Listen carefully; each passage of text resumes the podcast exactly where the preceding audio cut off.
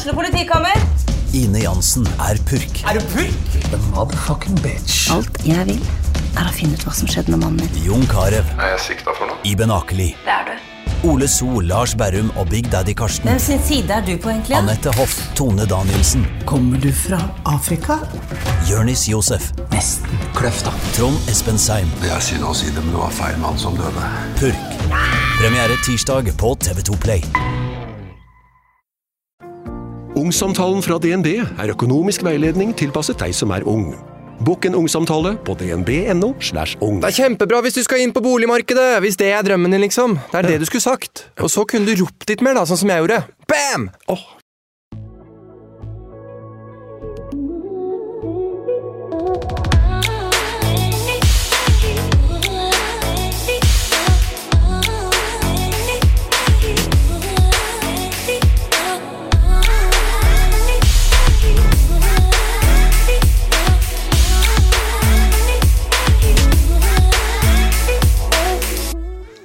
Denne måneden har jeg valgt et litt annerledes tema. Jeg vet at det er et tema som engasjerer enormt. At det er et tema ganske mange er godt oppdatert på, og at det er et tema noen egentlig ikke skjønner seg på i det hele tatt. Månedens tema er reality. For hvorfor i alle dager melder man seg på et program som ofte omtales som et skandaleprogram? Hvem er egentlig deltakerne, som bak drama, intriger, tøffe opplevelser, oppturer, nedturer, følgere på Instagram og falske vipper? Angrer de? Tenker de på fremtiden? Hvordan har det egentlig vært? Hva har det betydd? En jeg har veldig lyst til å bli bedre kjent med, er Linn. Hun er en av deltakerne i årets sesong av Ex on the Beach og har bemerket seg på flere måter. Hun er smellvakker. Hun forelska seg i Øystein inne i villaen, for de som skjønner hva jeg snakker om når jeg sier det. Og hun har vært åpen om at hun har vært veldig alvorlig syk med spiseforstyrrelser. Jeg skal ærlig innrømme at jeg lurer litt på hvorfor Linn valgte å melde seg på Ex on the Beach. Hvordan var det sånn egentlig? Hva har hun lært? Og angrer hun? Det er jo heller ingen hemmelighet at mange av dagens reality-programmer byr på sex, drama og kropp i monitor. Hva tenker egentlig Linn om det, spesielt med tanke på hennes egen historie? Og er hun bevisst på sitt ansvar? Jeg gleder meg veldig til å bli kjent med Linn. Om du rynker litt på nesa av Sex on the Beach, som mamma kaller det, så syns jeg at du skal gi praten med Linn en sjanse. Kanskje du forstår hvorfor man velger å melde seg på? Hva det gir noen? Hvorfor noen i alle dager velger å kaste seg ut i et sirkus som det? Eller i hvert fall hvordan det fungerer? Ikke vet jeg. Men godt innhold og interessante samtaler, det vet jeg at disse deltakerne kan å by på.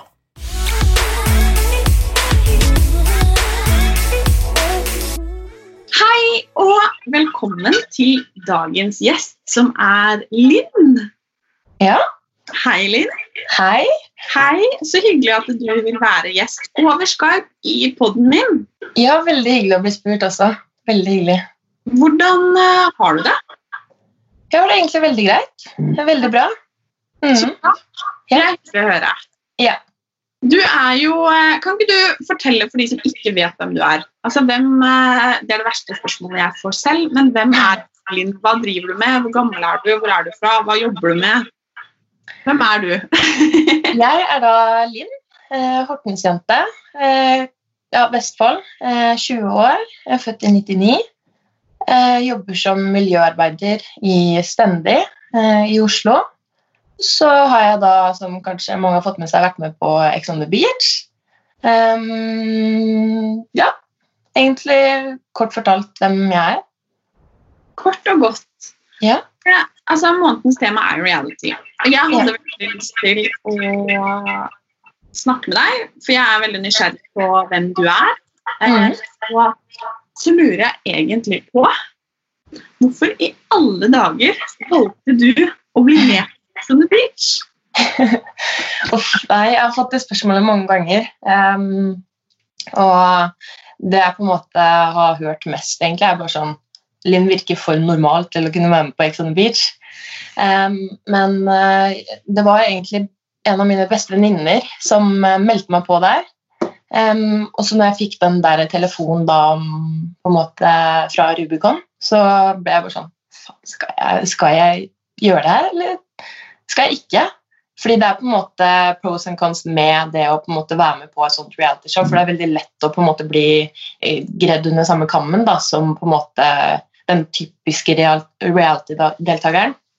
Eh, Men eh, etter på en måte mange runder med intervjuer og sånne ting, så tenkte jeg at vet du hva, fuck it, jeg bør bli med, liksom. For jeg var så drittlei av et sånt A4-liv hvor jeg på en måte ikke får utfordra meg selv på noe som helst måte. Og så tenkte jeg at det også kanskje kan gi meg en stemme da, eh, i samfunnet. Og nå er jeg på en måte stempla som on the Beach-Linn, men etter hvert så vil jo det på en måte fade, og jeg kan få muligheten til å på en måte eh, stå for ting jeg vil stå for, da. Mm. Men eh, altså Hvordan Altså Jeg synes det er liksom Fordi jeg har ofte fått spørsmål. Ok, Ville du vært med på Paradise Hotel eller Ex on the Beach? Ikke sant? Ja. Så har jeg tenkt bare herregud, ikke Ex on the Beach, i hvert fall. Fordi det virker ja. skandale. Ja. Tenkte du gjennom liksom konsekvensene av å være med på et sånt program? Um, både ja og nei, egentlig.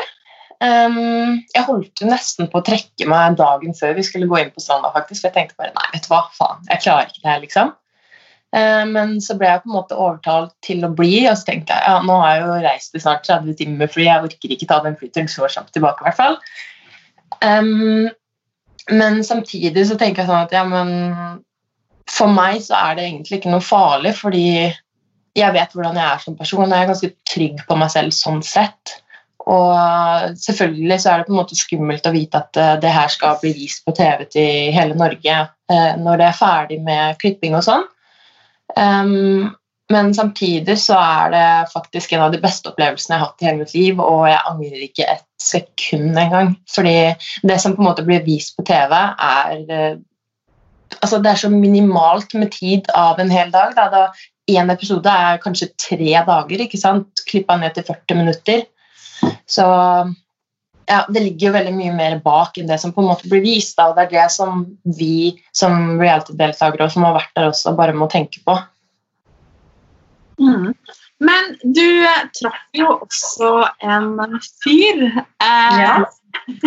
kan vi kalle han den store kjærligheten, eller hva kaller vi han? Eh, ja, si det. Nei da. Ja, det er absolutt det. Eh, for du traff Øystein eh, Dere kom inn samtidig. Ja. Og eh, falt vel egentlig ganske pladask for hverandre. Mm. Eh, var det Hadde du forestilt deg det? Eh, For å si det sånn, da, så var det ikke i mine intensjoner å komme inn der og eh, få meg kjæreste. Eh, Det var det absolutt ikke. Og jeg tenkte sånn, faen, jeg kommer jo ikke til å møte hva skal jeg si, soulmaten min inne på Ex on the Beach, liksom. For hvem, hva slags personer er det som er der? Men så møter jeg jo da Øystein, som eh, etter noen dager vi finner tonen egentlig sykt bra. Og ja, ender opp der vi er i dag, med å på en måte være stormforelska og egentlig Begge er vel enige om at det er det beste forholdet begge to har vært i, sånn bare på noen måneder nå, så på en måte man merker jo det veldig fort. Og ja, nei, det føles veldig riktig da, for eh, begge parter også. Um, Det er koselig, da. Hadde, eller har det egentlig noen gang vært noe sånn vellykka Ex on the Beach-par eh, tidligere? Um, nei, det har vel egentlig ikke det. Det var jo Adrian og Melina, men det var jo ikke så veldig vellykka, det, egentlig. Eh, så Ja, med dere, da. Men nå er jo ikke Øystein her, men jeg lurer på fordi I hvert fall på TV så virker jo På mange måter så virker det like, men han er jo mye høyere oppe enn det du er. Det er ikke så lenge siden. Nei.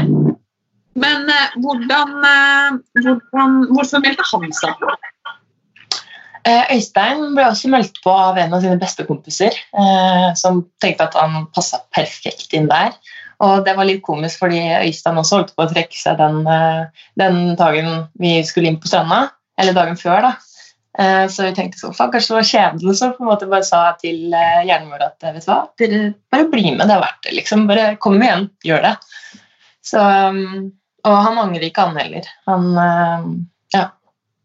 Nei, for det var det jeg lurte på, fordi Tror du at du noen gang kommer til å angre? Kanskje når jeg får barn og dem innser at eh, mamma har vært med på reality-TV og pult eh, foran hele Norge. Kanskje. Hadde du ikke gjøre det? Hæ? Du, altså, man får jo ofte spørsmål Nei, hadde du tenkt på sex på TV? Og så svarer alle nei, det har jeg ikke. Mm. Hadde du tenkt gjennom det på forhånd? Uh, ja, jeg hadde egentlig planlagt å ikke ha det. Uh, men så er det jo alkohol hver eneste dag. Um, og så blir det jo på en måte spesielt vanskelig når man på en måte, sånn som med meg og Øystein sin situasjon, da, så når man på en måte får såpass følelser for hverandre og blir veldig tiltrukket av hverandre, så er det mye mer vanskelig å på en måte holde seg unna. Og samtidig så glemmer du liksom kameraene etter hva da, tre dager, liksom. Du glemmer det helt og tenker, du tenker liksom ikke at dette her skal vises på TV. liksom. Du tenker ikke det. Og ja, alkohol hver kveld da, og på en måte sterke følelser fører jo til det ene og det andre, egentlig. Eh, ikke bare lyster, da. Mm. Men eh, du sa jo det liksom, den dagen man får barn. Hva, hva, hva hadde du tenkt om liksom, foreldrene dine hadde hatt sex på TV? Uff. Eh, jeg hadde nok ikke vært så veldig fan, eh, det skal jeg ærlig innrømme, hvis mamma og pappa hadde vært med på Big Brother eller noe. Men eh, nei, altså, jeg tenker samfunnet i dag kontra hva det var før, er så annerledes at eh, hvor mange barn kommer ikke til å ha reality-deltakere som foreldre, på en måte? Eller ja, som eh, hva skal jeg si, veteran, reality-veteraner. Men eh, jeg tenkte vi skulle snakke om noe. ting. For Mm. Har jo vært åpen om at du har slitt med spiseforstyrrelser. Mm. Mm, og først så lurer jeg på hvordan eh, starta det for deg? Eh, For meg så starta det jo på en måte med at det var veldig mye undertrykte følelser. Da. Eh, Det jeg på en måte var veldig spesifikk på når jeg eh, begynte å snakke om det, var at det var ikke en bevisst handling eh, med å på en måte bli tynn. Da. Det var ikke mine intensjoner i det hele tatt, men det var jo det at eh, jeg ble jo utsatt for et overgrep når jeg var 14-15. Og jeg turte ikke si det til noen, eh, fordi jeg følte at det var min feil. Eh, så det gikk jo enormt lang tid med eh, undertrykte følelser. Da. Jeg turte jo ikke si det til noen. Og jeg klarte jo, jeg hadde en kjæreste. eh, Første ordentlig stor kjærligheten min hadde jeg på den tiden, og det ble jo slutt fordi jeg ikke klarte å ha sex med han. Um, det var jo på ungdomsskolen, så vi var jo bare barn, egentlig. Um, og jeg har på en måte sammenligna de følelsene litt med et glass vann. Da, at uh, altså, Hodet er glasset, og tankene er liksom vannet. og Hvis det på en måte du fyller på med et glass vann og ikke drikker av det, så renner det jo over til slutt. Og det er jo akkurat det som samme følelser. At om du ikke får utløp på å prate om det til noen, så gir det Altså, du får et utfall i noe annet, da. Og for meg så var det da å på en måte Jeg følte meg så skitten da, hver gang jeg spiste mat at kroppen min reagerte med å bare kaste det opp igjen. Og i starten så var det sånn Er jeg syk, liksom? Har jeg omgangssyke nå? Men så gikk det på en måte så mange runder da, med det. Og det ene utvikla seg til det andre. Og en dag på, når jeg gikk i 8. eller 9. klasse, så kommer helsesøster, nei, rektoren kommer og banker på døra og vil ha meg ut. Så tenkte jeg sånn, faen, hva har jeg gjort nå, liksom? Eh, Men så ville hun da at jeg skulle snakke med helsesøster, fordi da hadde en av de eh, eh, hva skal jeg si, av de trivselslærerne da, de hadde liksom fanga opp at de syntes jeg ble, hadde blitt så tynn. Men det var ikke noe jeg egentlig hadde registrert i det hele tatt, så jeg fikk jo litt sjokk. Jeg bare Hæ? Nei, jeg, jeg er syk, liksom. Men det er jo første stadiet av en spiseforstyrrelse, at du på en måte er i benektelse. da. Um, uh, så ja, det var egentlig der det starta for meg, og derfra så gikk det bare til helvete, egentlig. Um, fordi da begynte jeg å tenke sånn Faen, kanskje jeg er syk? Og så begynte jeg å føle på et sånt lite press med at faen, jeg er syk. Da må jeg være syk òg. Det var sånn bare merkelig tankegang, for når du på en måte blir underernært, så tenker du jo ikke litt logisk eller klart i det hele tatt. Så fra den dagen det på en måte ble fanga opp, da, så gikk det bare nedover, egentlig. Veldig sånn berg-og-dal-bane. Um, men jeg var veldig heldig da, for at den på en måte klarte å fange det såpass tidlig, for da ble jeg liksom litt mer eh, klar over det selv også. Mm. Så, ja. Men eh, når følte du at på en måte Hva var liksom ditt vendepunkt? Um, vendepunktet mitt um, Den kom i uh, Hva skal jeg si? Ja? Den kom i veldig sånn looper, egentlig. fordi at det var på en måte små musesteg av gangen, men de kom liksom klare litt og litt og litt. Og litt.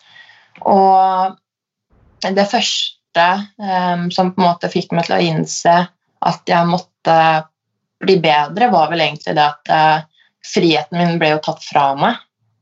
Og jeg fikk på en måte ikke den oppveksten som typiske ungdommer har. da.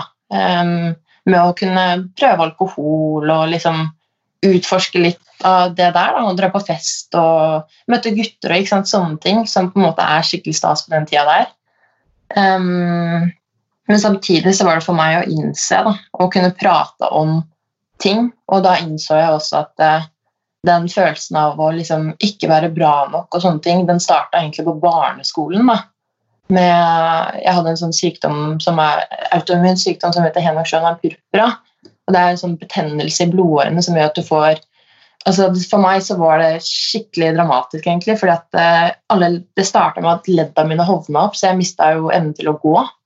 Og så derfra så utvikla det seg til blåmerker og sånn gule, lilla merker på kroppen. Og det utvikla seg til store blemmer som til slutt sprakk, og da fikk jeg sånn åpne kjøttsår på hele kroppen. Og jeg har jo vært 1,75 høy siden jeg gikk på, i 7. klasse, eh, så jeg har på en måte alltid følt meg veldig stor. Men med den hendelsen der på barneskolen i tillegg, så har jeg på en måte alltid følt meg ekkel. I hvert fall når jeg på en måte fikk de kommentarene av medelever på barneskolen. Så det er på en måte noe som bare festa seg som flott på hjernen min. da. At jeg liksom aldri har vært bra nok. Og sånne ting, og det var på en måte det å kunne innse at eh, vet du hva, jeg er faktisk bra nok. Og jeg kan ikke noe for de tingene som har skjedd. Det var på en måte det som var eh, hva skal jeg si, prioriteten til hun eh, psykiateren min for meg å innse. Da, at eh, det er ikke min feil at eh, jeg ble syk, det er ikke min feil at eh, jeg ble utsatt for det jeg ble utsatt for. og sånne ting. Mm. Men hvordan Eller vil du liksom si at du er frisk den dagen? Ja, det vil jeg absolutt si. At eh, det tok egentlig ganske lang tid for meg etter jeg på en måte hadde blitt erklært frisk da, av eh, BUPA, eh, barne- og ungdomspsykiatrien. Um, fordi at uh, Det som er med spiseforstyrrelser, er at selv om du på en måte er normalvektig og klarer å spise, så er det alltid en fare for å falle tilbake. Um, men for meg så var det heldigvis såpass klart for meg at jeg ikke ville tilbake der igjen. Um, på grunn av alt, egentlig. Um, ja, jeg holdt jo på å dø mange mange ganger, og det er liksom, jeg tenkte sånn Jeg har et så sinnssykt langt liv i vente. Hvorfor skal jeg på en måte kaste deg bort på det her? Og jeg kan liksom ha et så sinnssykt godt liv uten den spiseforstyrrelsen her, da.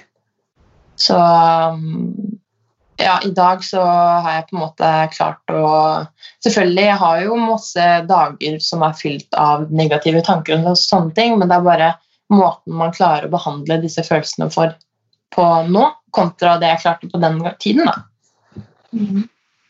Først og fremst så er jeg veldig glad da, for at det. Mm. Men så lurer jeg også på eh, hvordan Hva skal man si, da? Sånn som når du f.eks. er med på eh, et reality-program som Ex on Mm. så flyr man jo stort sett rundt Argentina hele tiden. Ja. Og man gjør jo på en måte eh, kroppen sin veldig disponibel. Mm. Man åpner jo på en måte ufrivillig eller frivillig, eller hva man vil si, opp for at folk skal mene noe om den. Ja. Var det noe du Er det noe du har hatt? Um, jeg merka i hvert fall der inne så var det dager hvor jeg bare måtte ta på meg et skjørt og ikke turte å gå rundt i bikinitruse, liksom. Um, fordi at uh, For det første så var det jo alkohol hver dag, og alle veit jo hvor dritt man føler seg en dag etter alkohol. Um, men samtidig så Altså, man visste jo i lang tid før man dro at man skulle være med, så man kunne jo på en måte, sånn som f.eks. Sandra, hun trente jo drittmye før hun skulle inn dit, liksom. Men jeg tenkte sånn at vet du hva, jeg gidder ikke det. Jeg gidder på en måte ikke Hva skal jeg si, ja? Uh, trene kroppen min for andres uh, hva skal jeg si, ja, pleasure.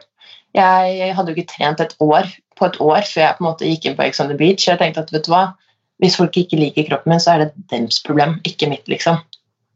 Så ja, jeg følte egentlig at det var en sånn milepæl for min egen del også, fordi at jeg alltid på en måte har hatt et ubehag med å gå i bikini og sånn, men etter den Ex on the Beach-deltakelsen så um, har jeg blitt tryggere der også. Mm. Og det er jo veldig fint. Mm. Men da lurer jeg også på noe annet, for det er jo veldig eh, mye fokus da, på kropp i Alexander Beach. Eh, har du, som på en måte vet har vært på en måte helt nede på skalaen, har du tenkt gjennom liksom Hvordan kan man si det? Hvordan dere som deltakere på en måte kan påvirke selvbildet og bildet til de Ja, absolutt. Og det var egentlig mye av grunnen til at jeg ikke gadd å trene før Alexander Beach også. Fordi jeg vet at uh, vi kommer til å få målgrupper som på en måte ser veldig opp til oss. da. Um, og jeg merker jo det bare på Direct også, på Instagram, hvor mye meldinger jeg får fra jenter ned i 4006, liksom. At det bare er det er mitt største forbilde, og skulle ønske jeg så ut som deg, og bla, bla, bla. Og da tenker jeg bare sånn nei, nei, nei, nei. Det er liksom Ja, så jeg sier jo til dem at vet du hva, du er flott og fin og vakker nok sånn som du er, og du på en måte Ja, det er veldig lett å ønske at man skulle vært en annen person, men man på en måte klarer å fortelle til seg selv at man er fornøyd med den personen, den kroppen man er født i. Da. Så ja, nei, Det var mye av grunnen derfor jeg også ikke gadd å trene. Fordi jeg gidder ikke gi et uh, Hva skal jeg si? Ja? Kropp er kropp, da. Og man er fin nok sånn som man er uansett. Mm. Det er jeg helt enig i. Mm. jeg tenker likevel liksom disse uh, Eller tror du at liksom Så nå har jeg mye spørsmål som vanlig. For det så er jo du eh, steinflott. Det må jeg jo bare ikke Og tror du liksom at fordi det har jo ofte vært debatter og diskusjoner at dere kan være dårlige forbilder og bla, bla, bla. Og det er jo på en måte en annen diskusjon enn det vi snakker om nå, men tror du at det kan være bra med Eller at det er viktig å få sånne forbilder som deg også i et program som Exit Beach? Ja, absolutt. Fordi Hva skal jeg si, ja? Um, ja, Som du på en måte nevnte tidligere, så har jo alle Hver person, enkeltperson har jo en historie. Og det som er når man ser en person på TV, så er det så sinnssykt lett å dømme dem. Eh, spesielt når det er en reality-serie. da. Eh, fordi reality-deltakere har liksom fått stempel om at ja, de er kronidioter, liksom. De, de er, det er bare luft mellom øra. Um, det stemmer jo ikke i det hele tatt. Og eh, nå som på en måte man blir eksponert såpass mye for Norges befolkning, da, så får man jo en følgeskala også. Og det er jo på en måte om å gjøre å bare utnytte dem på best mulig måte. Da. Og hvis man har, sånn som jeg har de verdiene jeg har, og jeg vet og har fått bekrefta nå at eh, Vet du hva? Er, jeg blir sjokka når jeg på en måte så deg der, fordi du, du, er et så godt forbilde. da. Jeg får liksom bekrefta det, og det er så deilig for min del også. I hvert fall etter jeg gikk ut med den spiseforstyrrelsessaken. da. Så mm, ja, jeg tror det på en måte er en veldig fin start på noe for min egen del, og noe jeg alltid har hatt lyst til å gjøre også. da, Være en stemme for de personene i samfunnet. da. Mm. Hvordan har du lyst til å bruke hva skal man si, dette videre? Eller deltakelsen din og alle følgerne man får? Hva har du lyst til å liksom, gjøre med det? Um, jeg har jo på en måte lyst til å bli en talsperson for folk som sliter og har slitt eller er i startfasen av å slite med en spiseforstyrrelse. Fordi For det første så er det jo ikke noe oppskrift på en spiseforstyrrelse. alle som har en spiseforstyrrelse, opplever det veldig veldig ulikt, men samtidig ekstremt likt. så jeg på en måte har lyst til å være åpne om det, slik at eh, de som ser meg, da kan også tørre å være åpne om det og tørre å spørre om hjelp. Da. Um, ja, egentlig, egentlig, mye, ja. Mm. Men nå skal jeg stille et litt kritisk spørsmål, og jeg syns det er vanskelig å svare selv. Mm. Men eh, nå hører jeg lyden min så jeg håper ikke at det er for gærent. Men eh, jeg har bl.a. sett at du har annonsert tannbleking. Ja. Eh, er du bevisst på, på en måte at det kan være med på å fange signaler om at man liksom ikke er fin nok som man er? Ja Både ja og nei, egentlig. Um, når jeg sa ja så, til det, så var jeg sånn litt sånn Jeg tenkte egentlig ikke så langt. Um, men samtidig så tenker jeg at uh, tannblekingsstrips er liksom ikke det verste, da sånn innenfor eh, skjønnhetsreklamering og sånn man kan eh, hva skal jeg si, reklamere for. Fordi For det første så er det Hva skal jeg si? Ja, ja, det er sikkert mange som er usikre på at de kanskje ikke har hvite nok tenner, men samtidig sånn Nei, den var vanskelig, den der. det er vanskelig. Og ja være sitt ansvar bevisst. og Det er litt derfor jeg også spør. Eh, og jeg skjønner at det er kjempevanskelig å svare på, men mm. jeg tror det er dødsviktig å være bevisst også. Absolutt. og det er liksom, Jeg bestemte meg etter jeg på en måte hadde sagt ja til den avtalen, så eh, sa jeg også til dem at eh, jeg ikke kommer til å fortsette med dem etter den perioden er ferdig, da, på fire uker.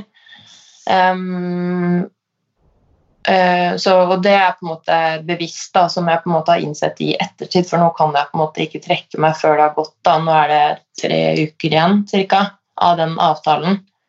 Um, så ja. Mm. ja. Ja, det er litt vanskelig, og det er eh, også mange fristelser. Og jeg Typisk nybegynnerfeil fra min side. jo, men altså, er det liksom det er ikke nødvendigvis det at det å bli kvitt hendene sine som er det verste. Ikke sant? Men jeg tenker i hvert fall at man er bevisst på hvorfor man gjør det, og hvem man gjør det for, og liksom hvilke signaler det sender. Ja. Eh, og det er jo bare Grunnen til at jeg er nysgjerrig, er fordi jeg vet at du på en måte er på det, og at du har følt så mange på det. Eller følelsene selv, og det er jo derfor, derfor jeg er nysgjerrig. ja, jeg ser den veldig godt. Jeg ser den. Så... Men rollen som forbilde, da. Mm. Eh, liksom. Og eh, jeg personlig syns at du er et kjempeforbilde. Det var en av grunnene til at jeg hadde veldig å med det. altså. Eh, og syns du det er skummelt å skulle på en måte være et forbilde? Fordi hva skal man si, Uansett om man vil eller ei, man er på et sånt program, så er det noen som ser opp på deg. Enten om du er spik spenna gæren, eller om du er rolig og fin, som jeg opplever deg, i hvert fall. Mm. Hva, er du, er du liksom, Syns du det er litt skummelt å skulle være et forbilde? Jeg syns absolutt at det er eh, skummelt å være et forbilde. Det gjør jeg. Man blir jo på en måte automatisk kritisert for uh, absolutt alt, egentlig. Uh, uansett om man ønsker det eller ei, eller om du gjør noe dumt eller ikke. da. Så det alltid, er det alltid nettroll som på en måte elsker å kritisere deg for hver minste detalj, liksom. Men samtidig så er det det å på en måte være bevisst på ting sjæl og være trygg på seg selv. Um, jeg merker jo på et lite press, det gjør jeg absolutt, men jeg tenker at det blir bare bedre etter hvert. Fordi det er liksom så uvant da, for meg. Det har ikke helt egentlig gått inn i hodet mitt ennå. Det, det, er så surrealistisk da, egentlig, eh, fra min side.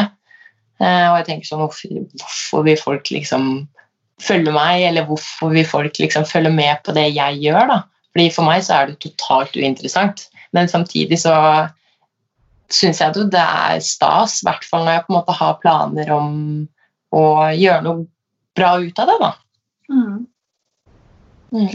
Men jeg lurer på noe, og det er sikkert ganske eh, personlig, men når du eh, Hvis vi skal ta Øystein, da, som du traff der inne og Det er han vi, det er han vi, vi som ser på. Eh, når man har vært gjennom noe sånt som det du har, både et overgrep og alvorlige spiseforstyrrelser, eh, hvordan fortalte du Øystein det? Um, jeg husker ikke egentlig hvordan det starta, men vi pleier å ha ganske dype samtaler, og vi bare begynte å snakke om liksom, eh, livshistoriene våre da, til hverandre en kveld. Um, rett, etter, rett, etter, at vi kom hjem fra Brasil. Nå tror jeg jeg forsnakka meg litt, fordi det Ja. Men uh, ja, i hvert fall vi, etter vi på en måte alle hadde kommet hjem fra Brasil, så møttes vi jo, og uh, da begynte vi å prate om historiene våre. og både Øystein og jeg har veldig sånn turbulente historier fra barndommen da, på hver sin måte. Og det var egentlig sånn jeg på en måte åpna meg opp om spiseforstyrrelser og resten til Øystein. Og han var egentlig veldig fint mottakelig for den fortellingen jeg ga han. da. Og han har egentlig bare vært støttende eh, etter det. Og måten han på en måte Hva skal jeg si? ja, responderte på det jeg sa, var bare ja, fantastisk, egentlig. Og det ga meg liksom en veldig sånn betryggelse da, i forholdet også. Mm. Og da lurer jeg på, eh, mest fordi jeg er nysgjerrig selv eh, da, I alle dager går man fra på en måte skulle være et par på Ex on the Beach til å skulle være et par liksom i virkeligheten, uten liksom strand og alkohol og iPad, liksom. ja. Nei, altså Jeg husker første, første nettene sammen eh, utenfor eh, villaen når vi hadde kommet hjem til Norge. Det var, det var nesten litt kleint, skal jeg innrømme det. det var faktisk veldig veldig rart å ikke ha på seg miggene og ha kamera og vite at vet du hva, det er bare oss to. liksom. Det er ingen som kan komme brasende inn døra her. liksom. Det er bare oss. Og vi bare syntes det var drittrart. liksom, og Vi har ledd av det i ettertid. og det var sånn Som at vi på en måte skulle møtes for første gang på nytt. da, eh, På en helt annen måte. Så ja, nei, det var veldig, veldig rart. Mm, det skjønner jeg faktisk. Mm. Men kunne du tenke deg å gjøre mer på TV? Ja, absolutt, men kanskje ikke på samme måte. Da. Det hadde blitt mer hva skal jeg si, ja, Drømmen siden jeg var liten har jo vært med på Robinson eller Farmen eller Skal vi danse. Da. Så det blir jo på en måte mer de der eh, opplevelsene kontra Paradise og Exxon Beach. Det, det skal jeg innrømme. Mm. Føler du at du blir fremstilt eh, som den Linn du er, eller har du liksom mer å vise som du ikke har fått vist? Absolutt mye som ikke har blitt vist av den Linn jeg er. Um, for det første er jeg sinnssykt klønete. Og jeg gjør jo så mye dumt der inne som de ikke har vist på TV. Og så tenker jeg sånn, hvorfor, hvorfor det? For jeg er egentlig jævla morsom. Men sånn jeg blir fremstilt på TV, så blir jeg fremstilt som den kjedelige uh, ja, hva skal jeg si, fisefine Linn, da, men det er jo ikke meg i det hele tatt. Det er jo hva skal jeg si, en bondeknøl fra Horten. ikke sant? Det er jo ikke meg i det hele tatt, det greiene der. jeg syns personlig at jeg er rimelig morsom. Så ja, jeg håper at det kommer til å komme fram her, da. Mm. Mm. Så konklusjonen er at du angrer ikke? Nei, egentlig ikke. På deltakelsen i det hele tatt. Jeg hadde jo ikke møtt Øystein hvis jeg ikke hadde vært der, så Det ja. Men har du tenkt med igjen? Eh, nei, det tror jeg ikke. Nei. Nei. Men da lurer jeg på, før vi runder av Mm. eh, Har du noen tips hvis det sitter noen der ute og som eh, eh, sliter med negative tanker om seg selv, eget eh, selvbilde f.eks., kropp osv.? Eh, har du noe du kan si til de? Eh, ja, egentlig. Um, det første jeg vil si, er at uh, Det er veldig lett å på en måte være misfornøyd med seg selv. Um, uavhengig av hvor mange positive kommentarer man får fra andre om at ja, men 'du er jo pen, du er jo så snill, og du er vakker', ikke sant, sånne ting, så er det veldig lett å på en måte få det inn det ene øret og ut det andre øret. Um, men det som på en måte er veldig viktig å huske på, er at uh, den eneste som på en måte kan overtale deg til noe som helst, er deg selv. Så om du på en måte forteller deg selv daglig at ja, men du er ikke bra nok, du er ditt og du er datt, ikke sant? bare negative kommentarer, så overtaler du hjernen til å tro på det. fordi tankens kraft er liksom noe av det sterkeste som fins. Og hvis du på en måte klarer litt og litt fortelle til deg selv at du er bra nok sånn som du er, så klarer du å på en måte tro på det til slutt også, og da kommer du til å få det så sinnssykt mye bedre med deg selv også. Så ja Prøv å på en måte være positiv til deg selv, fordi da ja, Det kommer til å på en måte åpne seg en ny verden, da, egentlig. Mm. Tusen takk for at du ville være gjest og dele tanker og erfaringer og følelser med meg og med de som sitter. Tusen takk for at vi fikk eh, være her også. Det, jeg ble veldig glad når du spurte meg. Oh, så hyggelig. Uh, skal vi bare ønske alle som hører på, en fin dag, da. Ja. ja. ja. Så ha en fin dag, og så snakkes vi. Det gjør vi.